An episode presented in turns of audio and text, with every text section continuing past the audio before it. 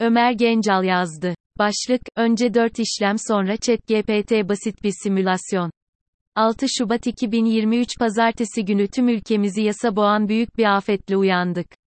Neredeyse 100 yılın depremi olan ve 10 ilimizi kapsayan bu depremde şu ana kadar açıklanan verilerle 43 binden fazla yurttaşımızı kaybetmenin derin üzüntüsü içindeyiz.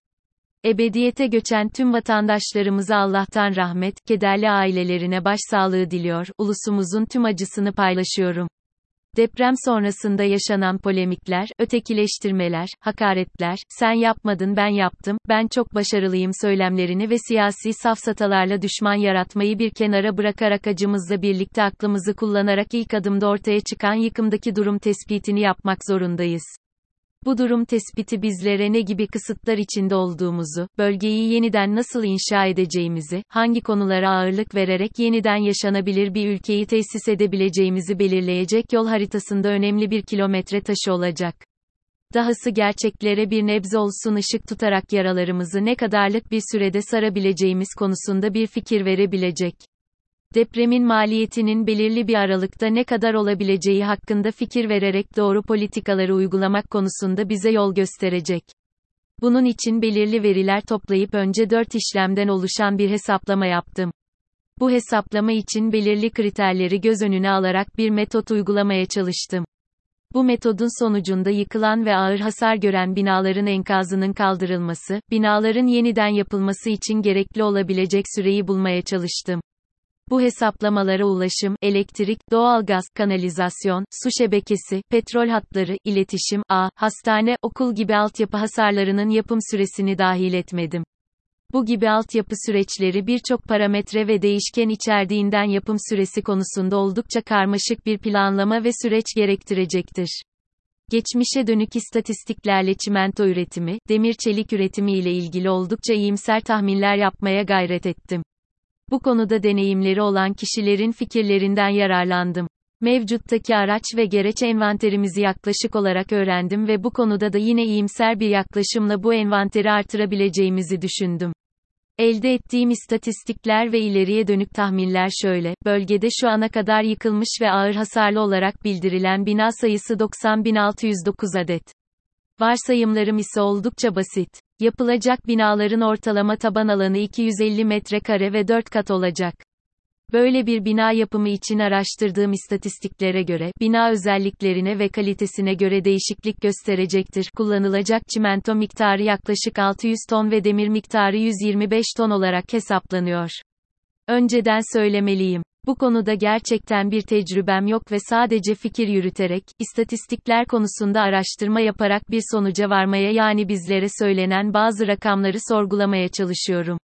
Aynı zamanda güncel verilere baktığımda Türkiye'de yaklaşık 200 bin civarında hafriyat kamyonu olduğu bilgisine ulaşıyorum. Varsayımımı 50 bin ilave kamyon ve 50 bin vinçin bölgeye giderek çalışma yapacağı, bölgede 500 bin kişinin bu çalışmalara katılacağı üzerine kurguluyorum. Bir bina enkazının ortalama bir hafta gibi oldukça iyimser bir süre içinde kaldırılabileceğine ve kaldırılan enkazın üzerine 6 ay gibi kısa bir süre içinde konut yapımı gerçekleştirilebileceği varsayımları ile 4 işlemi kullanarak hesap yapıyorum. Türkiye ihraç ettiği çimentonun ve demir çeliğin tamamını kendi kullansa ve 2023 yılında üretilecek miktarların geçmiş yıl artış ortalamalarının %10 üzerinde bir artış ile üretim miktarı artışı gerçekleştirse varsayımı ile 100 milyon ton çimento ve 50 milyon ton demir çelik üretimi gerçekleştirecektir. Bu hesaplama ile kullanılacak çimentonun üretimi için 6 ay civarında, demir çeliğin üretimi için ise 3 ay gibi bir süreye ihtiyaç duyulmaktadır. Tabi bir projenin yapımında sürelerin uçuca eklenmesi gibi bir mantık olmadığını da kabul etmemiz gerekir. Varsayımı aynı anda bin binanın enkazının kaldırılması daha sonra diğerlerine geçilmesi ve yine aynı anda bin binanın inşasına aynı anda başlanılması gibi bir takım varsayımlarda bulunduğumda ortaya şöyle bir tablo çıkıyor.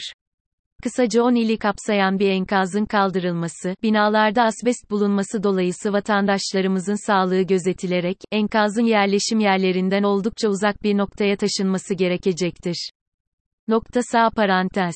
Bir bina için ortalama bir haftalık enkaz kaldırma varsayımı ile 1.74 yıl alacaktır. Aynı varsayımlar altında binaların inşası için harcanacak zamanında yaklaşık 7.5 yıl süreceği hesaplanabilir. Yaptığım bu tahminleri daha önceki dönemlerde bina yıkım, enkaz kaldırma ve bina yapım tecrübesi olan kişilerin tecrübeleriyle karşılaştırdığımda iyimser süreler olduğunu da ayrıca belirtmeliyim. Son dönemlerde gündemde olan bir yapay zekayı duymayanınız yoktur. Adı ChatGPT. Bir mühendis olarak çok kabaca bir optimizasyon modeli kullanarak belirli veriler ışığında yukarıda tahmin etmeye çalıştığım süreleri bu yapay zeka ile tahmin etmeye çalıştım. Verdiğim bilgiler doğrultusunda bir model oluşturarak bu modelleme ile bazı sonuçlar çıkarttı. Bu sonuçların test tabi tutulması ve çok daha kapsamlı bir model oluşturularak tahmin yapılmasının gereğinin de farkındayım. ChatGPT ile gerçekleşmiş konuşmayı virgülüne bile dokunmadan aşağı kopyalıyorum. Soru, bir simplex metodu çözmeni isteyebilir miyim? Veriler şunlar. 10 ilde yıkılmış ve ağır hasar görmüş bina. Bölgenin toplam alanı 110 bin kilometre kare. Ülkede üretilen çimento miktarı 100 milyon ton. Üretilen demir çelik miktarı 65 milyon ton.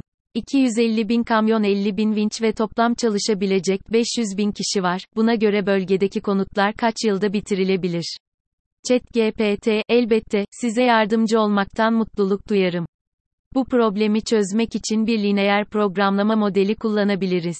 Aşağıdaki adımları izleyebiliriz. Adım 1, hedef fonksiyonunu belirleme bölgedeki konutların bitirilmesi için gerekli olan kaynakların toplam kullanımı, bize hedef fonksiyonu verecektir. Bu fonksiyonu maksimize etmek isteyeceğiz, çünkü konutların bitirilmesi için kullanılan kaynakların mümkün olduğunca etkili bir şekilde kullanılmasını istiyoruz. Adım 2, karar değişkenlerini belirleme karar değişkenleri, bölgedeki konutların tamamlanması için kullanılacak kaynakların miktarlarını belirleyen değişkenlerdir. Bu problemin değişkenleri aşağıdaki gibidir. X1, çimento miktarı, ton, X2, demir çelik miktarı, ton, X3, kamyon sayısı X4, vinç sayısı X5, çalışan sayısı adım 3, kısıtlamaları belirleme bu problemde, kaynakların kullanımıyla ilgili bir dizi kısıtlama vardır. Çimento miktarı, X1 100 milyon ton demir çelik miktarı, X2 65 milyon ton kamyon sayısı, X3 250 bin vinç sayısı, X4 50 bin çalışan sayısı, X5 500 bin ayrıca, bölgedeki konutların tamamlanması için gereken toplam alanda kısıt olarak belirtilmelidir. x1 bölü 100 artı x2 bölü 150 artı x3 bölü 200 artı x4 bölü 1000 artı x5 bölü 50 110 bin km kare adım 4 modeli oluşturma yukarıdaki adımların tamamına dayanarak modeli aşağıdaki gibi oluşturabiliriz. Maksimize z eşittir x5 bölü 10 bin kısıtlamalar x1 100 milyon çarpı 2 65 milyon çarpı 3 250 bin çarpı 4 50 bin çarpı 5 500 bin x1 bölü 100 artı x2 2 bölü 150 artı x3 bölü 200 artı x4 bölü 1000 artı x5 bölü 50 110 bin adım 5, simplex metodu uygulama bu modele simplex yöntemi uygulanabilir. Simplex yöntemi, lineer programlama problemlerini çözmek için kullanılan bir algoritmadır. Bu algoritma, lineer programlama problemlerinin çözümünü yaparken, her bir adımda mevcut çözüme yakın bir çözüm elde etmeye çalışır. Bu adımlar, çözüme doğru iterasyonlar olarak adlandırılır. Ancak, bu problemin çözümü için yalnızca birkaç kısıtlama ve birkaç değişken olduğundan, bu modeli çözmek için değişkenleri ve kısıtlamaları tek tek yazıp grafiksel olarak da çözebiliriz.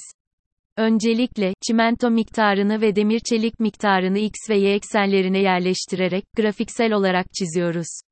Bu durumda, 110 bin kilometre karelik alana ilişkin kısıtlama, 100x artı 150y, 1 milyon eşittir 110, dur.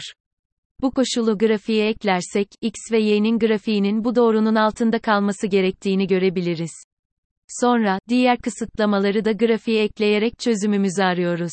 İlk kısıtlama olan çimento miktarı x 100 milyon ton olduğundan, x ekseninde 100 birimlik bir çizgi çiziyoruz ve bu çizginin x'in sağında kalması gerektiğini görüyoruz. Aynı şekilde, demir çelik miktarı Y 65 milyon ton olduğundan, Y ekseninde 65 birimlik bir çizgi çiziyoruz ve bu çizginin de Y'nin üstünde kalması gerektiğini görüyoruz. Son olarak, x3, x4 ve x5 değişkenlerinin her biri için birer kısıtlama ekleyerek, bu değişkenlerin sınırlarını belirleyebiliriz. Görsel olarak bakıldığında, en yüksek çözüm x eşittir 666.67 milyon ton çimento ve y eşittir 260 milyon ton demir çelik kullanımına karşılık gelir. Nokta. Bu çözüm, diğer kısıtlamalar altında, 2 milyon 200 bin kamyon, 52,000 vinç ve 500,000 çalışan kullanarak 10 ildeki konutların tamamlanmasını 40 yılda mümkün kılacaktır. Tabii ki, bu sadece bir grafiksel çözümdür. Daha büyük veya daha karmaşık problemlerde, simplex yöntemi daha uygun bir çözüm yöntemi olabilir. Sonuç olarak kaç yılda bitirilebileceğine dair bir sonuç çıkartmak mümkün olabilir mi? Evet, sonuç olarak 10 ildeki konutların tamamlanması 40 yılda mümkün olacaktır. Bu, en yüksek çözüm olan X eşittir 666.67 milyon ton çimento ve Y eşittir 260 milyon ton demir çelik kullanarak, diğer kısıtlamalar altında, 2 milyon 200 bin kamyon, 52,000 vinç ve 500,000 çalışan kullanarak elde edilir. Ancak, bu çözüm optimum bir çözüm değildir ve başka çözümler de mümkündür. Bu nedenle, bu sonuçların belirli bir oran doğrultusunda yorumlanması daha uygun olacaktır. Soru, bin binanın aynı anda yapımına başlandığı düşünülürse süre kısalmaz mı? Evet, bin binanın aynı anda yapımına başlanması, bölgedeki konutların tamamlanma süresini kısaltabilir. Bu durumda, yapılacak konut sayısı arttığından, kamyon, vinç ve çalışan sayısı da arttırılabilir. Ancak, bu değişikliklerin optimum çözümü değiştirebileceği ve daha fazla kaynak tahsisinin ekonomik olarak mümkün olmayabileceği unutulmamalıdır. Öte yandan, binaların aynı anda yapımına başlanması, kaynakların verimli kullanımını da etkileyebilir.